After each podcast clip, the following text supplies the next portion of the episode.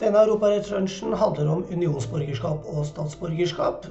Det er eh, Vitas Martin Jonassen og førsteamanuensis Stian Øby Johansen som innleder. De innleder om dommen C-118-20, som eh, handlet om en eh, estisk kvinne som søkte østerriksk statsborgerskap og endte i en situasjon der hun kunne bli stående uten noe statsborgerskap i det hele tatt. God fornøyelse. Vær så god igjen. Ja, ja. Hei, uh, mitt navn er Martin Jonassen, uh, ny Vittas på Senter for europarett. Uh, jeg har skrevet om denne saken i, i Eurorett så vidt. Jeg skal gi en liten presentasjon av, av faktum i, i, saken, og hvordan domstolen resonnerte. Prøve å dra oss gjennom det, som forhåpentligvis er bakteppet for diskusjonen der, kanskje. Um, Saken begynte med at eh, en JI, en estisk eh, statsborger, i 2008 eh, søker om østerriksk statsborgerskap. Hun har bodd i Østerrike og nå vil bli østerriksk statsborger. I 2014 så får hun et tilsagn fra østerrikske myndigheter som sier at hvis du kan vise at du har frasagt deg ditt estiske statsborgerskap, så skal vi innvilge østerriksk eh, statsborgerskap. Så får så å si en garanti. Og Da går hun til estiske myndigheter, ber eh, kan jeg frasi meg mitt estiske statsborgerskap. Det får hun innvilga, så hun blir statsløs, rett og slett. Da går hun til østerrikske myndigheter, dokumenterer at nå har jeg jo mista mitt estiske statsborgerskap, så da kan jeg vel få dette østerrikske i samsvar med, med det tilsagnet. Men da sier østerrikske myndigheter nei. Eh, og de viser til at eh, du har eh, blitt tatt for å kjøre under alkoholpåvirkning, eh, og du kunne ikke vise frem kjøretøyets inspeksjonsskive, eh, som østerriksk rett krever. Og da oppfylte hun ikke lenger vilkårene for å bli tildelt eh, dette statsborgerskapet. Og da Eh, dukker dette opp for EU-domstolen som en eh, foreleggelsessak. Og spørsmålet er om det er i strid med artikkel 20 i TUV eh, om, om unionsborgerskapet, altså. Å ikke innvilge østerriksk statsborgerskap i en sånn situasjon. Og det første spørsmålet det reiser, det er om regelen om unionsborgerskap i det hele tatt får anvendelse i, uh, i, en sånn situasjon. For hun er jo ikke lenger unionsborger. Hun har jo mista statsborgerskapet sitt i Estland. Ikke lenger unionsborger, så kan hun i det hele tatt anvende disse reglene. Og Her er det også en side til at det var jo ikke Østerrike som fratok unionsborgerskapet. Det var det jo Estland eh, som gjorde. Eh, så for de anvendelse og for Østerrike også, så er det også noe domstolen prøver å begrunne. Og Da tenkte jeg å hoppe egentlig inn i dommen og si litt om hvordan de resonnerte i dette spørsmålet. Har du lyst til å ta opp eh, dommen, Stian? Ja, det skulle jeg gjort på forhånd, men jeg gjør det nå. Du kan jo begynne så vidt, og så ja. um, Det første spørsmålet var jo altså om, uh, om disse Om uh, artikkel 20 om unionsborgerskap for anvendelse i denne situasjonen. Uh, og her har domstolen litt sånn som ja, min litt enkle analyse av tre uh, på en måte argumenter som de ser i sammenheng, uh, for å komme til at ja, dette er noe som omfattes av artikkel 20. Det første er en slags konstruksjon hvor de sier at denne estiske beslutningen om å frata statsborgerskapet, det medførte egentlig bare et midlertidig tap av unionsborgerskap. Sant? Estiske statsmyndigheter går med på, på å eh, frasi statsborgerskapet. Det er bare midlertidig. Og det er først når Østerrike, eh, i strid med tilsagnet, ikke innvilger østerriksk statsborgerskap, at, eh, at det, det, blir permanent, dette tapet. Det sier de for så vidt i avsnitt 32 um, It is only as a second step uh, that the decision of the Austrian authorities entails the permanent loss of the status. Um, og så viser vi avsnitt 31 overfor altså at det er bare 'temporary loss'. Uh, og Det taler på en måte for at uh, artikkel 20 får anvendelse her. De viser også i avsnitt 36 til at dette kan ikke ses på som et frivillig tap av unionsborgerskapet. Uh, med henvisning til et par dommer her oppe. Jeg har ikke satt meg veldig grundig inn i de. Du hadde satt deg litt inn i de, Stian? Ja, Det er jo tidligere dommer hvor EU-domstolen har sagt at for det første at unionsborgerskapet får betydning for nasjonale regler om statsborgerskap og tap av statsborgerskap. Men nei, jeg beklager ikke tap, men, men altså andre situasjoner. Men ikke akkurat denne situasjonen, og ikke tap egentlig av statsborgerskap, men, mm. men andre situasjoner hvor det har vært statsborgerregler. Så, så Rottmann og Tjebbes er, er, jo to saker som har vært mye sitert uh, av EU-domstolen i, i, lignende Og som har fått stor innflytelse på, på, på nasjonale statsborgerregler. Men der, denne her er liksom den siste brikka i puslespillet, så vidt jeg har skjønt. da. Mm. Men jeg er ikke så veldig innlest på de dommene. Mm. Jeg kan ikke huske ikke sånn på stående fot akkurat hva det gjaldt, men det er andre aspekter og andre sider av forholdet. Så den, Særlig den Rottmann var vel den første hvor EU-domstolen uttrykkelig sier at det stiller krav måte, til nasjonale regler om statsborgerskap, mm. hvis jeg skjønte det riktig. Ja. Men man kan jo merke seg at de, de, har denne konstruksjonen hvor det ikke vil anses som frivillig tap av statsborgerskap. og Da er det jo kanskje vanskelig å tenke seg at reglene om, om uh, unionsborgerskap skal, skal, ha noen rolle her. Så Det var altså det første argumentet, egentlig. Uh, det andre argumentet det kommer de til fra avsnitt 37, 'In the second place'. Um, da viser de til at den østerrikske prosessen uh, som helhet, uh, selv om det involverer an administrative decision of a member state, altså den estiske beslutningen, da, har innvirkning på, på unionsborgerskapsstatusen. Nettopp fordi den krever at man mister unionsborgerskapet før man kan bli østerriksk statsborger. Um, og det var også et argument for å, å si at det faller inn under artikkel 20. Um, og så kommer vi i avsnitt 41, in the third place. Tredje argumentet. Um, det er at uh, et av formålene med unionsborgerskapet, og da særlig uh, den retten til fri bevegelighet som følger av det, uh, etter artikkel 21, har til formål å promote the gradual integration of the union citizen concerned in the society of the host member state. Uh, poenget er at man skal gradvis integreres, uh, og det å ha regler uh, som dette er, innvirker jo nettopp på det formålet, da, som også er et argument for, for, å si at det faller inn under, under reglene. og med de tre argumentene sett i sammenheng, så konkluderer EU-domstolen med at tilfeller som dette uh, faller inn under eh, artikkel 20. Og da går de over til the second question, andre spørsmålet, hvor spørsmålet er er det i strid med artikkel 20 å ikke innvilge eh, statsborgerskap når man tidligere eh, har gitt eh, et tilsagn om dette. Um, og denne nektelsen får en konsekvens at, uh, at man mister unionsborgerskapet. Fascinerende hvordan EU-domstolens leddsetninger på en måte former egen tanke også. det blir, blir, fort litt sånn. Her så vet jeg ikke om jeg skal si så veldig mye, men man kan merke seg eh, avsnitt 49, hvor de viser til at eh, the principles stemming from EU law apply both to the host member state and to the member state of the original nationality.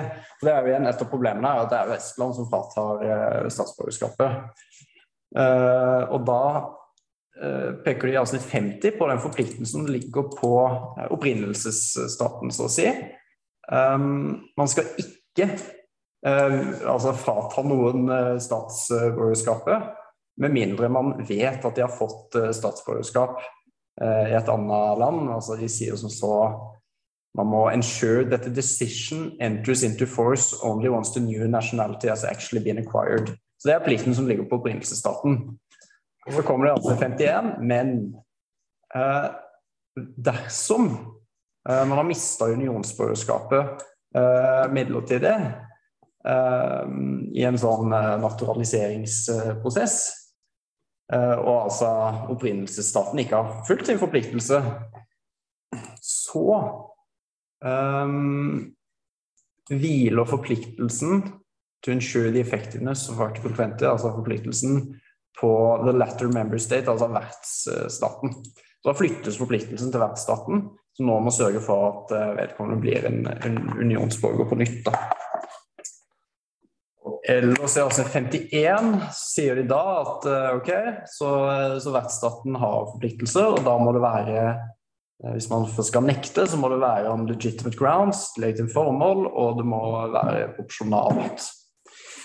Og så Så forbindelsen er ikke absolutt, men relativ. Ja, som ja, ja. for så vidt kanskje kan virke litt overraskende, men, men ja. mm. um, Etter det så går egentlig domstolen litt inn på hva er det som kan være et legitimt formål. De peker på at uh, det å ha, ønske å ha lovlydige borgere er naturligvis et uh, legitimt uh, formål. Eh, og ønsket om å unngå dobbeltstatsborgerskap er et legitimt formål. Eh, konstaterer de, kanskje ikke så overraskende. Eh, og så ifra avsnitt 58 eh, så går de inn på eh, proporsjonaliteten. Gjør litt eh, tolkning. Og så kommer de frem i avsnitt 71, nå hopper vi veldig her, eh, at, til at det å nekte pga. Traffic offences med, med, med mindre bøter, rett og slett, det er ikke en eh, proporsjonal eh, nektelsesgrunn. Um, så konklusjonen ble jo at uh, Østerrike plikta egentlig å innvilge uh, statsborgerskap. Altså, en fortolkningsdom uh, for så vidt, men det er jo det som blir konklusjonen. Jeg syns jo slutten av avsnitt 70 her er, litt artig. At de, de sier for å under, de på en måte understreker hvorfor dette er uproporsjonalt. Og viste at man mista ikke engang retten til å kjøre bil. ikke sant? Så du, får ikke, du mister, mister, eller får iallfall ikke det lovede statsborgerskapet. Ja. Men du kan fortsatt kjøre bil, liksom. Det sier noe om, det er et misforhold der mellom al- altså, Det understreker veldig tydelig at alvorlighetsgraden ikke er den høyeste, da. Og de kobler jo i avsnitt 70 også på disse legitime formålene public altså Det er jo public policy eller public security som ville være relevante, eller mulige, mulig relevante legitime formålene, men det, må jo, det følger jo av lang praksis at public policy, public security, det, det krever noe litt mer alvorlige ting. Så det egn, eller altså Om de i hele tatt forfølger en av de legitime formålene, er jo, virker det som Edalsdomen kanskje er, stiller seg også tvilende til. Hvis du ser midt i avsnitt 70, it does not appear that JY represents a genuine, present and sufficiently serious threat affecting one of the fundamental osv. Så, videre. så det er jo ganske det er ganske klar eh, beskjed til den nasjonale domstolen, vil jeg si. Ja, den beklager jeg avbrøt. Eh, ja, nei, eh, du, du avbrøt, eh, men jeg var egentlig ved veis ende også, så jeg hadde tenkt å gi, gi ordet til deg, Stian. Ja, og det passer jo fint. Og, og jeg tenker jo bare for å fortsette litt på akkurat dette, for her går jo domstolen også utrolig langt i å subsumere.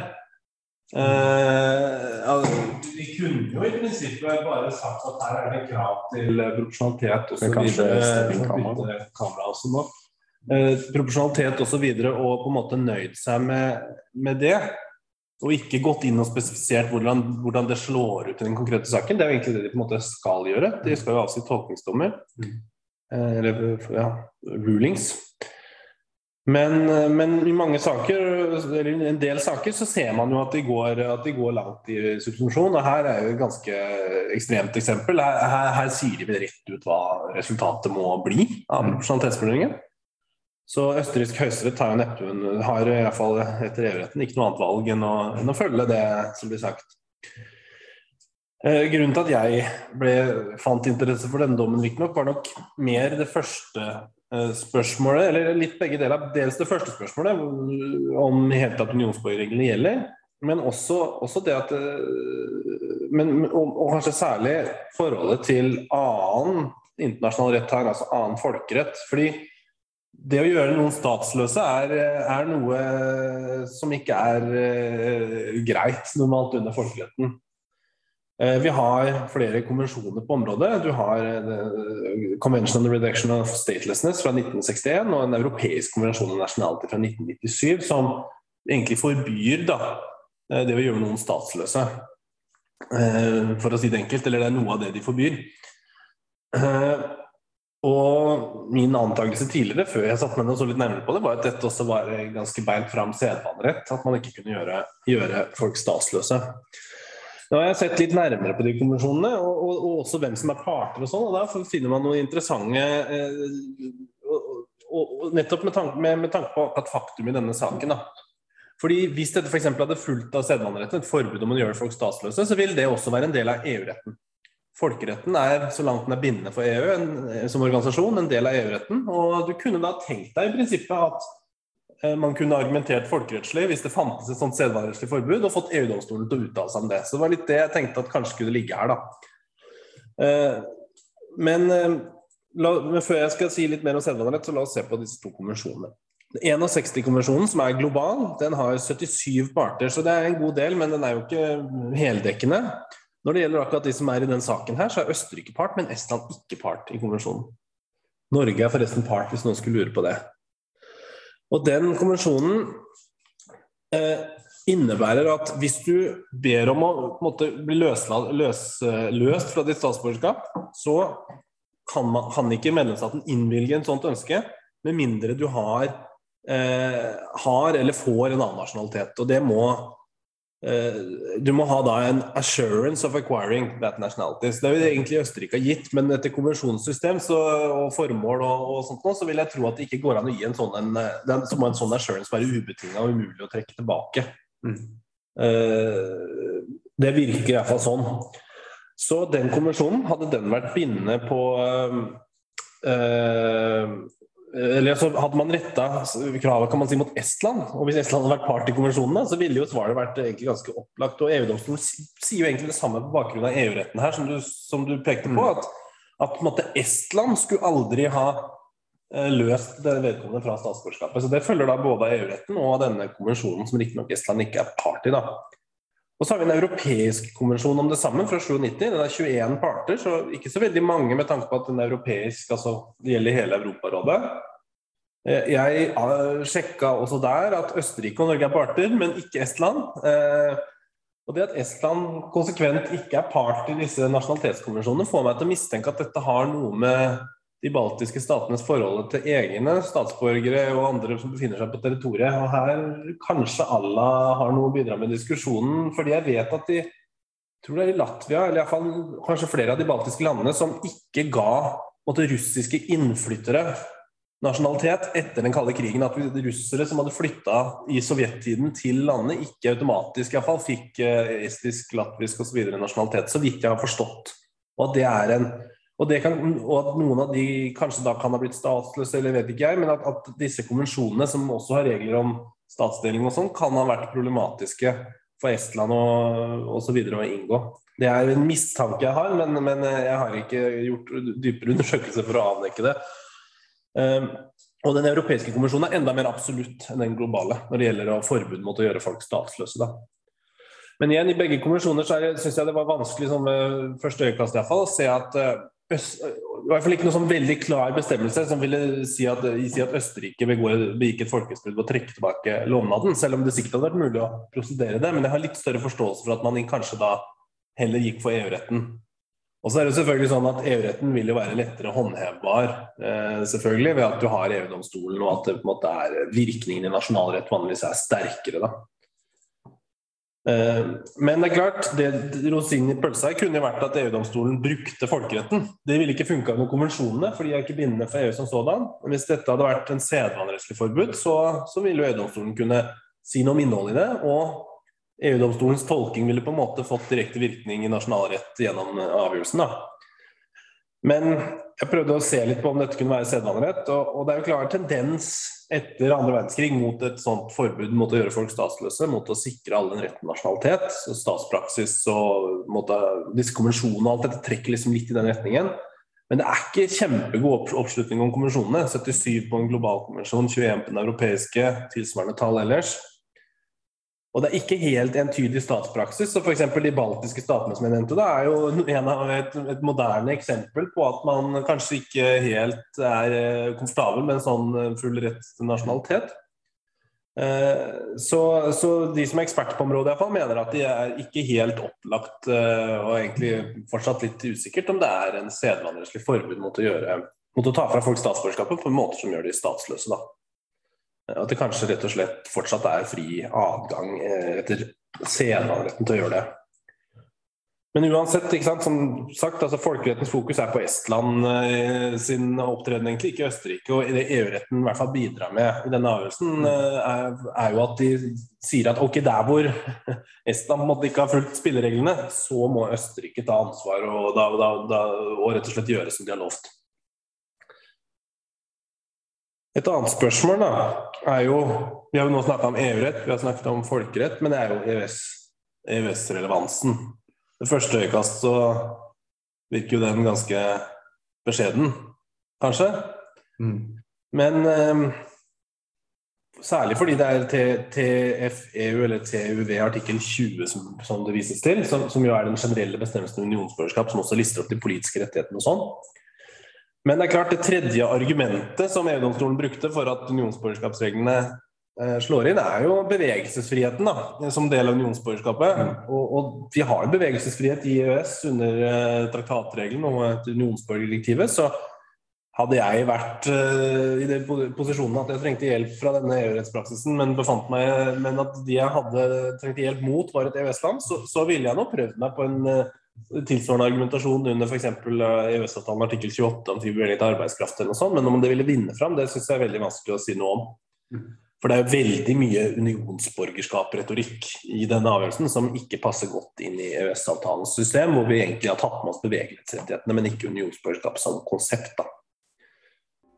Så, men det er mye, mye, mat i denne avgjørelsen. Sikkert andre ting folk har lagt merke til eller vil diskutere. Så åpner, da kan vi vel åpne open the floor. Da bytter jeg til et litt mer